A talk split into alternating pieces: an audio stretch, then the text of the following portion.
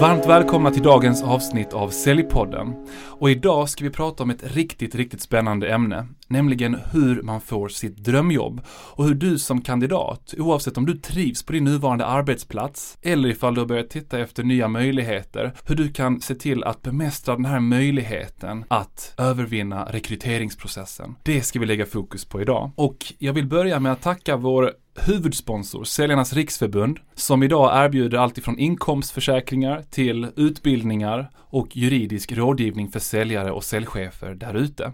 Dagens gäst, Hampus Johansson. Berätta, vem är du? Eh, ja, tack först och främst för att vara här. Eh, halka in i min bransch och den här branschen kanske lite av en slump men känner också att jag hamnat väldigt rätt i det här i säljforumet. Så Eh, till vardags, eh, gillar motionera, spelar gärna golf, umgås med folk, älskar matlagning. Så eh, på det sättet kanske inte sticker ut något speciellt men eh, jag är väldigt eh, målinriktad person. Det tror jag många skulle beskriva mig som. Och idag är du blivande VD på ett av Sveriges mest välkända rekryteringsföretag genom just försäljning. Berätta lite mer om den tjänsten. Det stämmer eh, och bolaget eh, Säljpoolen som sagt som jag jobbar på har ju funnits i 27 år. Eh, så jag är först och främst väldigt tacksam att vara i det här mm. bolaget för vi springer på väldigt många intressanta både kunder och kandidater med olika säljbakgrunder. Eh, och jag har gjort eh, min resa där, där jag har jobbat väldigt mycket med rekrytering och sen har haft förmånen att få ta ansvaret i Göteborg och driva den utvecklingen och nu väldigt nyligen blivit erbjuden och tillsatt som vd för bolaget och det ser jag jättemycket fram emot. Det ska bli skoj. Gud vad häftigt. Och du, jag tänkte ställa dig den här frågan. Om du skulle stå inför en publik av 1000 säljare på den nordiska marknaden, framförallt på den svenska marknaden. Och du skulle förmedla insikter eller erfarenheter som du känner att men det här sitter jag på idag. Utifrån utbildningar du gått igenom, mm. arbetslivserfarenheter. Vad skulle det vara för någonting du skulle valt att fokusera på då?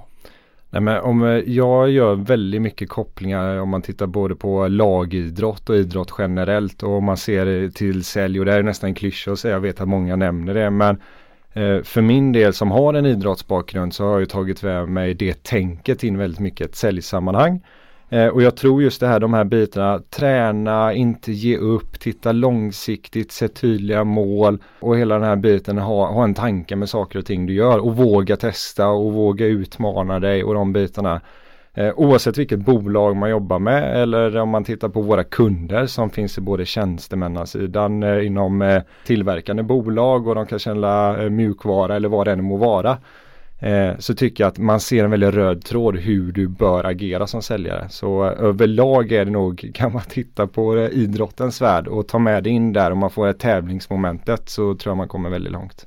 Du, är spännande det här med målsättning, för det kan verka som en självklarhet för säljare där ute.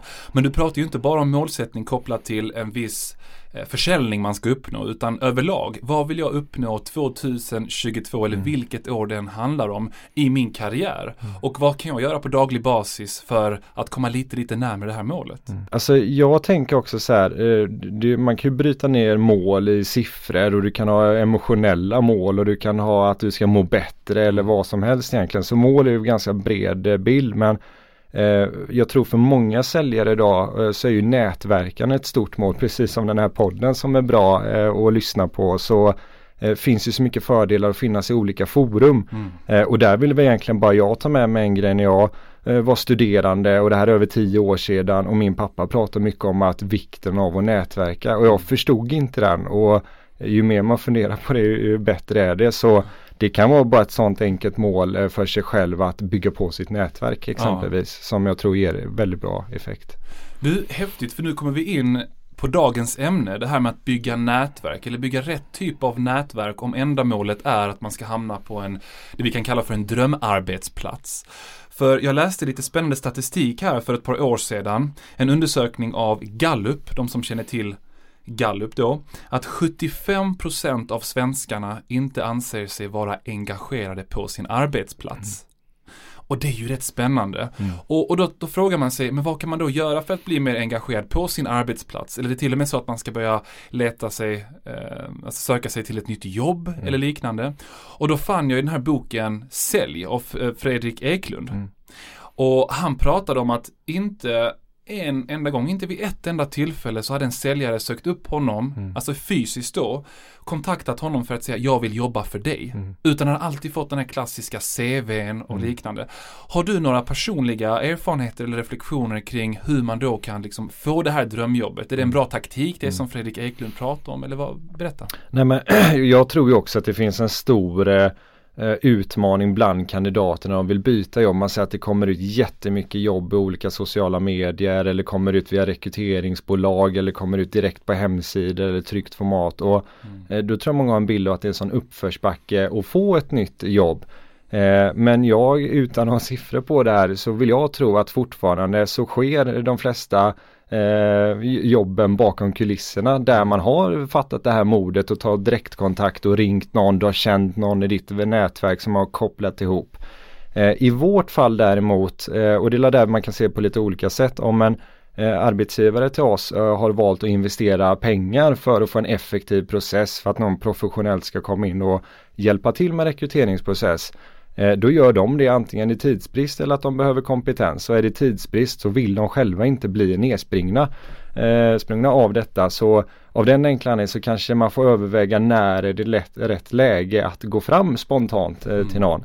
Men eh, igen har man ett intresse av ett bolag, man har hört gott om någon eller man känner där har de en intressant säljcykel eller roliga produkter eller process. Då då hade nog jag själv tagit mig friheten och våga eh, ringa det här kalla samtalet och försöka få till ett möte. Så det, det finns väl fördelar och nackdelar men man får nog läsa av situationen.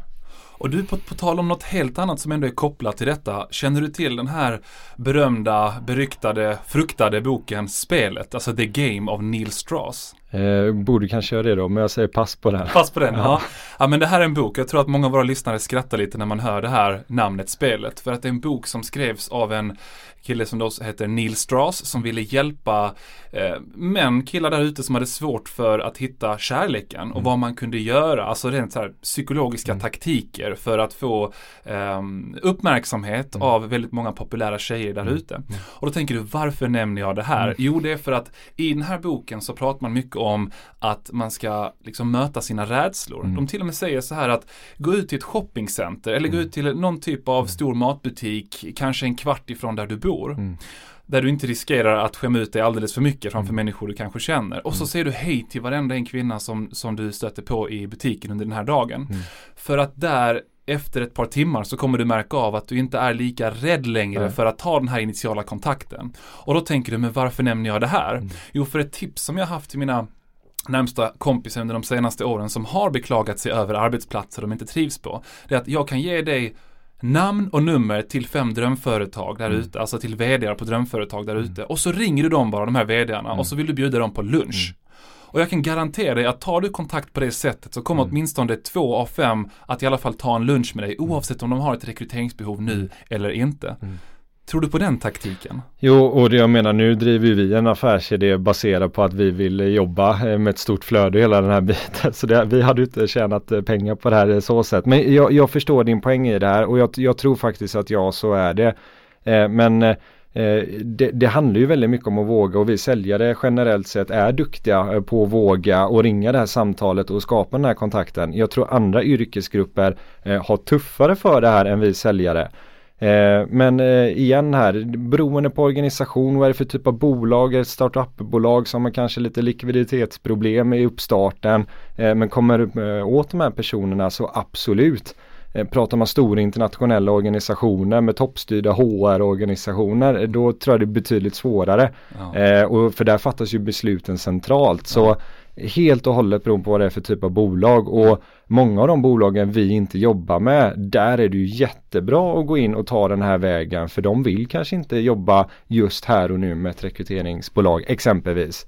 Så nej, jag, jag, jag håller med dig. Jag tror på det att eh, eh våga, men det säger man ju till alla säljare. Lyft luren och ring. Det kan inte bli mer till nej, så eh, ta chansen. Nej, men precis. Du, vad finns det för risker med mm. att om man blir nekad som kandidat i en rekryteringsprocess mm. men ändå vill ha jobbet att ha direktkontakt med mm med kunden? Eller ser du några risker med det? Och det, och det är en jättebra fråga och, och det här säger jag ju verkligen i syfte att som kandidat göra en reflektion för det här. För jag sitter ju här i syfte av att göra ett bra jobb. Sen hur pass bra jobb jag gör, ja det kan man ju kritiskt eh, granska. Om man har gjort en bra bedömning att nej jag har andra kandidater som är mer kvalificerade då måste jag ju ta det beslutet för att komma vidare i processen, för att hålla tidsplanen eh, och göra min kund i slutändan nöjd och få den eh, kvalitet som den förväntar sig. Mm. Men om man känner det att nej men fasen den här personen har missat någonting, jag har mer att ge.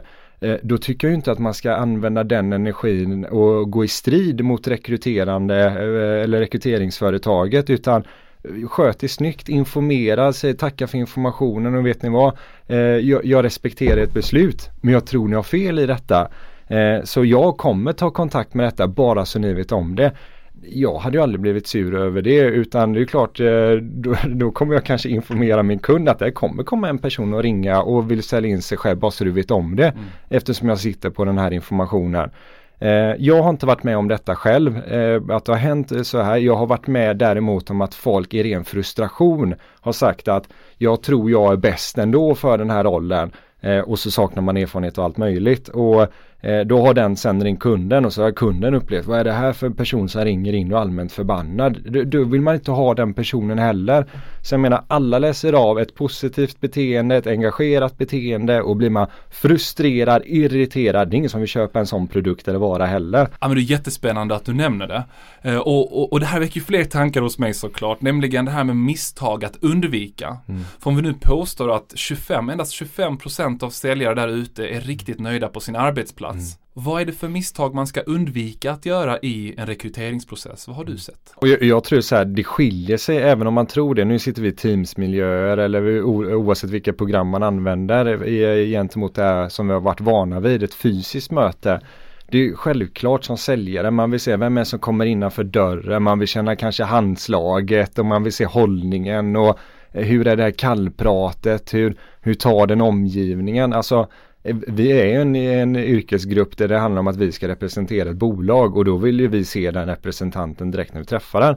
Eh, och det har blivit en större utmaning i den här digitala miljön och då får ju jag som rekryterare vara duktig på att läsa av personen ännu snabbare och vissa delar, vad är det jag kan gå på som sticker ut från mängden. Eh, och där kan vi se eh, från början när folk inte var vana vid den här miljön man var inte förberedd, man tyckte det var mycket mer avslappnad, man klädde inte på sig på samma sätt som eh, man kanske gjorde ett fysiskt möte och då menar jag då satt man kanske inte med skjortan, den var inte struken, man satt inte rakryggad, man var inte framåtlutad, man var inte engagerad.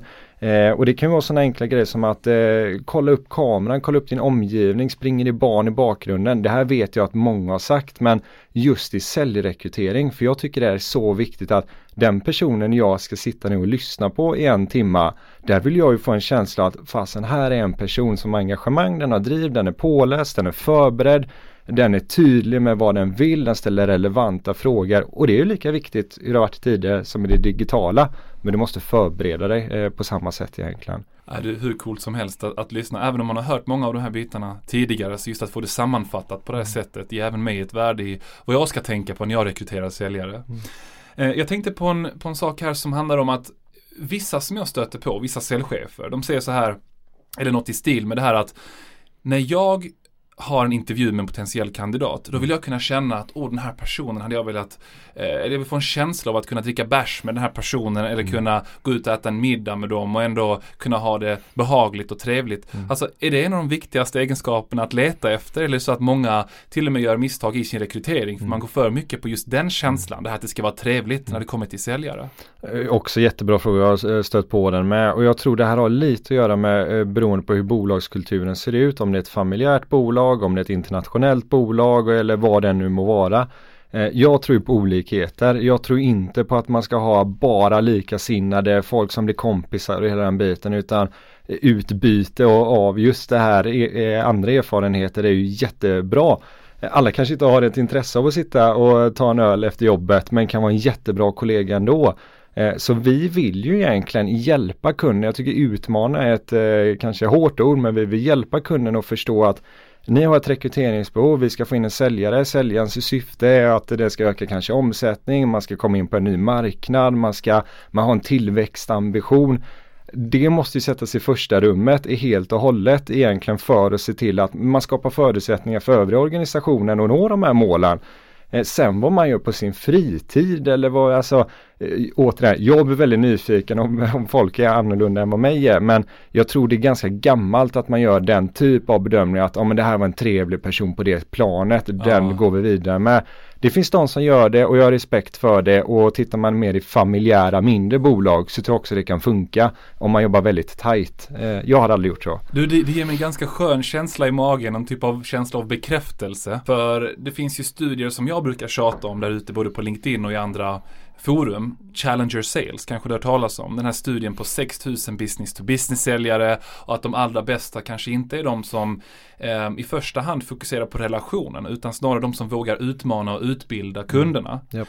Och vad jag vill säga med det, det är att i många fall så har jag pratat med säljledare som rekryterar baserat på den här magkänslan vi pratar om men sen blir ganska missnöjda. Mm. Du, den här Anna eller Hampus eller vem den är en superhärlig och trevlig prick men äh, jag ser inget resultat här. Mm.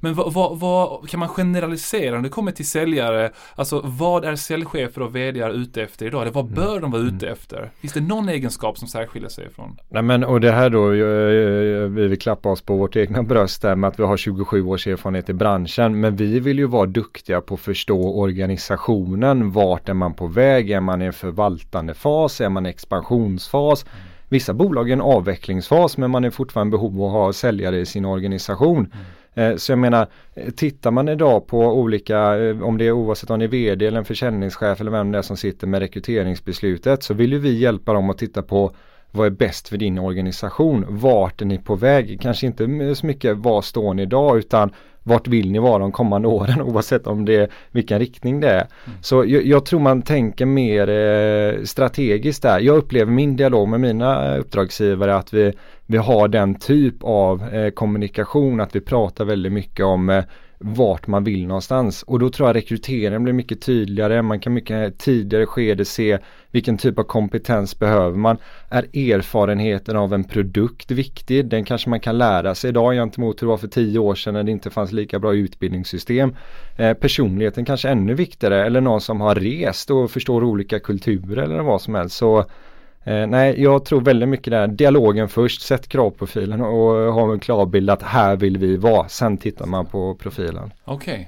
Häftigt. Det var inte det svar som jag hade förväntat mig. Men det var ändå coolt att, att någon som är expert som du kan utmana mig lite grann också. Mm. För hade du ställt mig den frågan och sagt ja ah, det är klart det är X, Y och Z mm. som man generellt sett ska, ska leta efter. Samtidigt så har jag mest varit den som har hjälpt företag att rekrytera personer som ska vara lite mer av hunters. Mm. Alltså våga skapa sin egen marknad, ta nya marknadsandelar och liknande. Och där kan man säkert säga att det finns ett par olika kompetens eller personlighetsdrag som passar bättre än andra. Och, det, och, det, och för att förtydliga det, vi kan ha vissa kunder som är väldigt tekniskt inriktade. Man säljer en produkt som man kanske behöver ha någon form av högskoleingenjörsutbildning. Eh, och då har man en förväntan att även säljaren som ska komma in ligger på samma nivå som den som jobbar med utveckling. För det är så det alltid har sett ut på det här bolaget. Och pratar vi då det som du nämner är att man vill ha in en hunter, någon som är bra på nätverk, skapa nya kontaktytor, är allmänt drivig som person eh, generellt sett, nu generaliserar jag, de läser kanske inte på Chalmers eller KTH de här bitarna för de har andra egenskaper, ett annat intresse. Och då får man titta igen att steg ett kanske vi ska ha en hunter, steg två kanske vi ska ha ingenjören och sen kanske de teamar på ett väldigt bra sätt. Så mm jag vill igen där eh, lyssna och så har vi gjort väldigt många lyckosamma rekryteringar. Lägg pusslet, hur ser organisationen ut, vart vill man någonstans och sen eh, eh, titta väldigt mycket på vad är det för typ av person vi vill, eh, vi vill ha in. Eh, och då brukar det oftast vara mer långsiktigt. Bra. Du, jag tänkte på, på fler misstag som man kan undvika. Jag var med en försäljningschef som skulle rekrytera en säljare och den här försäljningschefen hade inte förberett mig på alltså alla förväntningar den hade då inför det här samtalet. När säljaren då eh, är på plats och vi har den här intervjun då ställer säljchefen frågan till säljaren. Vad vet du om mig och min bakgrund? Mm.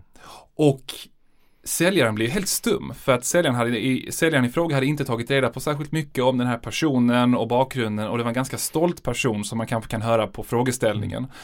Finns det en annan förväntan idag på kandidater att ha mycket mer information redo inför en rekryteringsprocess till exempel eftersom det är så lättillgängligt? Eller berätta, hur har det förändrats? Eh, ur mitt perspektiv, tråkigt svar, nej jag tror inte det har förändrats. Men det är det här vi ser som tydliga likheter när du går på en anställningsintervju och när du har ett eget säljmöte när du ska sälja in din tjänst eller produkt. Och det handlar ju hela tiden om att göra en behovsanalys och vara lite förberedd på vad är det för typ av personer jag kommer möta, vad är det för miljö, vad är det för bolag, vad kommer det kunna finnas för förväntningar på mig. Eh, och sen när vi kliver innanför rummet och vi börjar lära känna den här personen idag. Eh, idag är det lättare för då kan man kolla upp på sociala medier och allting. Men när du märker att du har de här klassiska färgerna, en gul eller en blå eller en röd om du har en blå person framför dig, ja då kanske du ska prata mer i termer som gör att den blåa personen fångar sin uppmärksamhet i ert samtal. Och har du en röd person som gärna sitter och pratar och tar för sig och har hög självhävdelse eh, behov. Eh, jag ser, alltså igen här, du behöver ju sälja in dig själv till den här personen så eh, har den en förväntan av att du ska vara påläst, då tycker jag att eh, förbered så mycket du kan. Sen matcha, eh, matcha miljön egentligen utifrån hur den personen vill ha det. För du ska sälja in ditt varumärke och dina eh, erfarenheter och egenskaper. Om det innebär att du ska vara en duktig lyssnare en halvtimme och, och berätta allt du vet om den här personen. Ja, ta den möjligheten här och nu för att komma till nästa steg. Och, och, där vill jag passa på att ge ett tips till lyssnarna att är det så att ni är ute efter ett annat jobb, ett drömjobb eller är eller kommer att vara i en rekryteringsprocess under det här året. Kika in på personernas LinkedIn-profiler, googla personernas mm. namn. Ofta kan man även i skriftlig form i alla fall få ett hum om vilka personlighetsdrag som personerna då mm. besitter. Ja. Och därifrån kunna anpassa sitt eget kroppsspråk, hur man talar till dem. Vill de ha mycket uppmärksamhet? Vill de hävda sig? Jätteviktiga egenskaper, för det kan verkligen särskilja den som får drömjobbet och den som inte får drömjobbet, den som lyckas med de bitarna. Och nu går jag lite eh, sidan, eh, ett sidospår där, men vi märker även det när jag är ute hos en kund och så ser jag hur är den här kulturen, vad har jag för person framför mig, hur agerar den, hur, hur sprallig är den, gillar den att prata och, mm. och de här bitarna. Eh, lika barn leka bäst. det är sedan gammalt och när vi själva tittar på kandidater så vill vi hitta en matchning först och främst. Den ska fylla behovet eh, och som de har gjort i en kravprofil. Men sen vill man ju ha någon som man känner att ja, men den här personen passar in i vår organisation. Mm. Så jag ska ju aldrig göra en bedömning av vad jag tycker är bra eller att man ska spegla mig. Så därför är det jättebra som du säger bilda en uppfattning om bolaget, hur, vem kommer man jobba med, vad är de för personer? För Eh, igen, du ska inledningsvis, du ska skapa ett intresse eh, för din omgivning så att de vill veta ännu mer om dig. Sen kan du få bre på och berätta om eh, vad du har i ditt bagage och vad du kan bidra med. Men var smart. Det här leder oss in på nästa del av dagens poddavsnitt som mer handlar om framgångstips istället för att bara titta på misstagen man ska undvika. Är det någon process som direkt blir så här top of mind hos dig där du kände att den här säljaren gjorde så fruktansvärt bra ifrån sig? Inte bara tack vare olika personlighetsdrag utan faktiskt liksom, vissa aktiviteter i processen som fick den att sticka ut. Uh, och här ska jag försöka ändå hålla mig kort för det. Man har ju snappat upp massa grejer under åren som har sett att fasen bra jobbat och ta med dig det och jag vill gärna ge bekräftelse på det när jag har sett att någon har gjort någonting bra. Eh, men igen, förberedelse utan att överarbeta och vara överambitiös. Skanna av vad är det jag har att förvänta mig. Men när man kommer kanske på ett första läge på en intervju efter jag har gjort en gallring på ett urval. Var lite cool i mötet. Eh, lägg inte fram alla dina kort på en och samma gång. Ställ relevanta frågor. Visa att du är påläst. Visa att du är intresserad. Eh, var engagerad. Eh, men låt också den personen som vill eh, styra mötet, låt den få göra det. Jag kan tycka det att det visar på att du har respekt, att du har inte den här behovet över att ta över kontrollen. Eh, många säljare som jag kan tycka är väldigt framgångsrika och de rekryteringar man har gjort eh, så är de just i den här eh, kategorin att de är, de är väldigt trygga och bekväma i sig själv och behöver inte ta över rummet eh, på ett eh, sådant sätt. Sen när man kommer vidare i processen, när man får träffa kund, eh, då är man duktig på att höra av sig. Det tycker jag också är viktigt. Eh, hålla tider tycker jag är viktigt. Hela den här biten som gör att man känner trygghet. För det är egentligen det anställningen till sist kommer gå på. Vad är jag tryggast att signa med? Eh, och kan man jobba med de här delarna för att skapa trygghet för alla typer av beslutsfattare så kommer man väldigt långt. Så jag, jag tror väldigt sällan det handlar om att överprestera i en sån här situation. Jag tror inte du behöver sälja in det ännu mer, maxa allt och berätta och få sagt varenda detalj utan eh, kanske lite så här, säg det som behövs här och nu, sen pausa och sen säger du det du behöver säga här och nu och pausa. Men man skapar en nyfikenhet, man skapar en förväntan, man börjar måla upp bilder och det tror jag är en riktigt bra grej för flera att tänka på. Man har en bild många gånger att säljare, eh, de stannar aldrig utan det bara fortsätter och ja. håll igen. Ja, det är coolt att du nämner det. Jag kommer att tänka på nu när jag håller på att renovera huset. Att det är, jag skulle vilja säga om det är tio olika potentiella leverantörer som jag hört av mig till. Och då pratar vi om ganska så fina affärer för deras del. Mm. Och det är alltså 9 av 10 som inte håller tider av mm. säljare man pratar med. Innesäljare, utesäljare och det kan vara en sån självklarhet för många där ute. Mm. Men det är fan inte många som lever upp till det. Mm. Och jag kan tänka mig att det är liknande i rekryteringsprocesser också. Du, på tal om det här med att överarbeta och att vara överambitiös var en säljare som ville bli rekryterad till ett företag där jag var försäljningschef. Som kom till den första arbetsintervjun med 20 utskrivna A4-sidor. Och vad var det på dem? Jo, det var eh, liksom copy-paste text från vår hemsida. Mm. Där han i det här fallet hade lagt rätt mycket tid på att så här gulmarkera med en så här överstrykspenna saker han ville fråga om. Och först tänkte jag bara så här ah, men det känns lite fjäskigt, lite överambitiöst. Men sen så tänkte jag, nej vet du vad, tvärtom. Mm. Gud vad häftigt att någon har tagit sig så mycket tid och verkligen vill sticka ut mm. gentemot andra kandidater. Är det någonting som du skulle säga är överambitiöst och kanske lite too much eller är det någonting som du skulle förorda? Och det här tror jag också, här, vi sitter och gör bedömningar. Jag, jag, jag tror någonstans att eh, beroende på hur eh, du gör detta, vad är det för material du lägger fram och vad är det för presentation du väljer att visa då för den här rekryterande chefen eller dig i, i det här fallet. Så eh, jag tror att det kan vara jättebra att vara påläst och ta med sig väldigt mycket men samtidigt igen här eh, skanna av läget tror jag är generellt sett det viktiga. Nu gick det här hem hos dig och jag tror det här kan gå hem hos många andra också. Pratar vi försäljningsingenjörer mm. när man säljer ett komplext system eller en lösning Eh, då kanske man behöver ha på fötterna innan man ens kan resonera eh, kring vad det är man vill eh, presentera. Och då kan det vara jättebra att vara väldigt förberedd. Men i det stora hela, jag vill nog ändå se att eh, bra gjort av dig egentligen och se bortom det här som du själv kanske var lite skeptisk till. För det är mycket det rekrytering handlar om med. Se runt omkring är, vad är det personen vill visa, vad är det den vill få ut av det här och se drivet. För det är det man verkligen vill hitta hos en säljare. Så Eh, igen, bra gjort av dig generellt. Nej, jag har inte tagit med mig 20 stycken mm. A4-ark och lagt fram, eh, fram men eh, eh bra att visa att man är förberedd. Du, jag stötte på ett rekryteringsföretag för ungefär ett år sedan som sa att det som gör oss unika är att vi nästan enbart jobbar med videorekrytering. Mm. Alltså vad de menar med det, det var att åtminstone i början av rekryteringsprocessen, så om inte jag minns helt fel här, så behöver kandidaterna skicka in en videohälsning mm. på sig själva för att man ska kunna säkerställa att den här har ja, men vissa typer av personlighetsdrag eller kanske modet som krävs för den typen av roll som de då vill hjälpa företag att rekrytera till. Mm.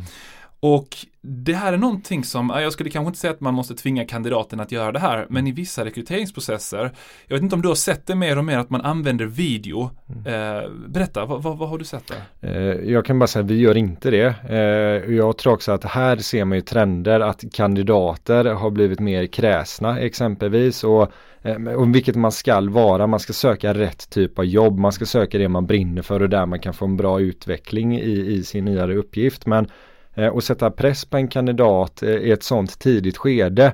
Eh, vi vill ju skapa värde för våra kunder. Det är ju hela det vår affärsidé att vi ska nå ut väldigt brett, vi ska nå ut till rätt målgrupp och när vi når den här målgruppen så ska vi hjälpa er att vara så attraktiva som möjligt så att de här personerna som eventuellt skulle vara intresserade mm. då skulle det vara lätt för dem att ta kontakt med mig.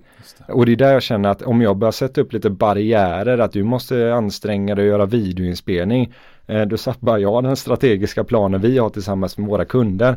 Sen, eh, sen förstår jag det finns eh, attraktiva enorma bolag, ingen aning hur Tesla skulle göra exempelvis. De kanske kan nytta det för de får sina ansökningar ändå. Men mycket handlar ju som sagt när vi hjälper ett bolag att få dem att eh, nå ut till sin målgrupp. Vi ska skapa attraktivt värde för dem där de eh, kort och koncist kan berätta om att det här kan vi erbjuda. Och känner ni att ni är träffade, att ja, men jag är mitt i prick, det är det här jag vill göra. Då ska det vara lätt för dig att ta kontakt med mig och skicka in en ansökan exempelvis.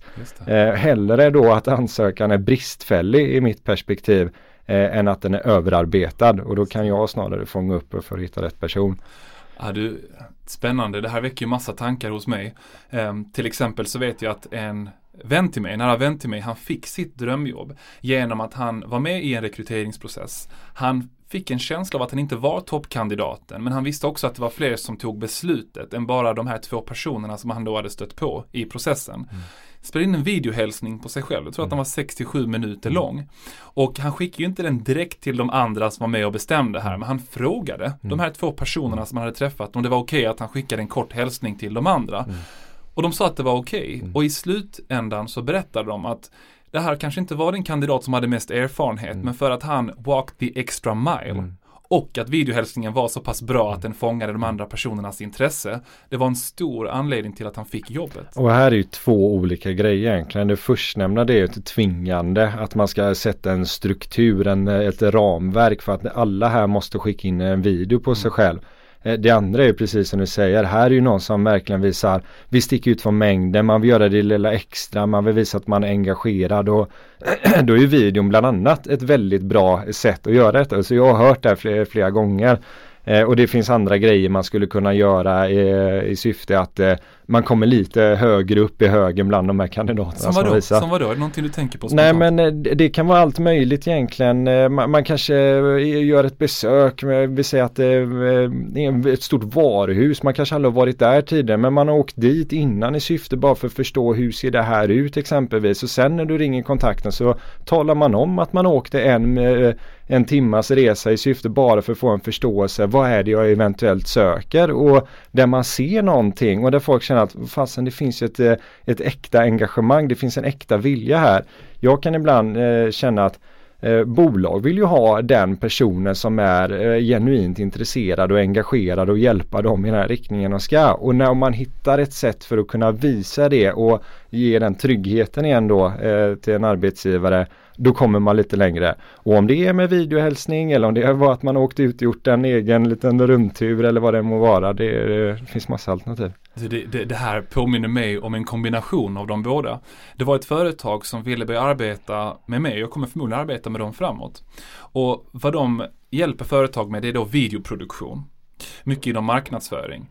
Och vad de visade med exempel på, det var när de ville få in drömkunder, det var jag ingen drömkund eller mitt företag, vi är lite för små för det, ville få in drömkunder. Då åkte de ut till deras kontor där man kunde se deras logga. Mm. Och sen spelade de in en kort videohälsning där, ja men du jag åkte ut här för att mm. se hur ni har det på arbetsplatsen och liknande och det skulle vara så spännande att få jobba med er. Och bara den här grejen, att visa att man har ansträngt sig, då mm. kombinerade ju video mm. med att man åkte ut till arbetsplatsen i det fallet. Det gjorde att de fick in vissa drömkunder som de inte hade fått in på ett annat sätt. Mm. Häftigt. Du, jag är jättetacksam för att du kunde komma hit idag och prata om hur man kan få drömjobbet, vad man ska och inte ska göra i sina rekryteringsprocesser. Och jag tänkte försöka mig på att sammanfatta de allra viktigaste lärdomarna från dagens poddavsnitt. Du pratade om att kanske inte spela alla sina kort direkt i en process utan våga hålla lite på det, vilket mm. jag också brukar tipsa om i förhandlingssammanhang och liknande, så det gillar jag verkligen, det tipset. Du pratade också om vikten av att spegla personlighetsdrag. Jag vet att du har lite eh, erfarenhet och utbildning inom psykologi mm. och, och de här bitarna också. Så, och, och där pratar vi om att man kan gå in på LinkedIn, man kan googla personens namn för att försöka identifiera olika personlighetsdrag, vilket är minst lika relevant relevant inför ett kundmöte som det är inför en rekryteringsprocess. Mm. Vi pratade om det här med att kanske inte överarbeta och vara överambitiös inför ett möte, men samtidigt visa på bra framförhållning och bra förberedelser. Mm. Att man ändå har gjort det lilla, lilla extra, men fortfarande kan vara professionell och ha mm. pondus och mm. upplevas som, som en bra potentiell rekryt. Var det någonting som jag glömde som du känner att den här, det var liksom riktig pang på rödbetan som vi missade här? Nej, jag tror inte det. Alltså igen, bara kom ihåg det. Jag vet att många säljer där ute inför ett säljmöte, då förbereder man sig. Man känner nu går jag och tar på mig matchdräkten här och nu ska jag vara redo och nu ska jag prestera.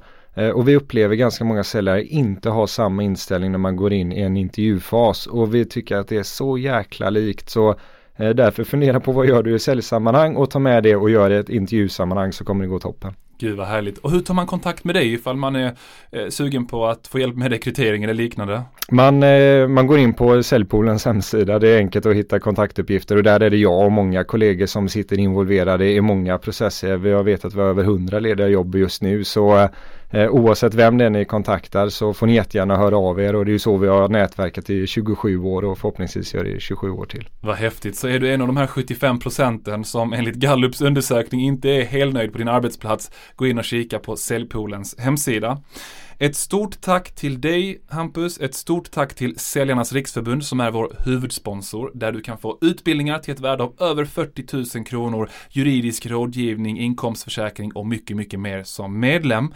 Jag vill påminna dig om att prenumerera på den här podden så får du de här färska avsnitten så fort de släpps. Stort tack för idag! Jättetack för att vara med. Då säger vi så, ha det gott nu! Ha det gott!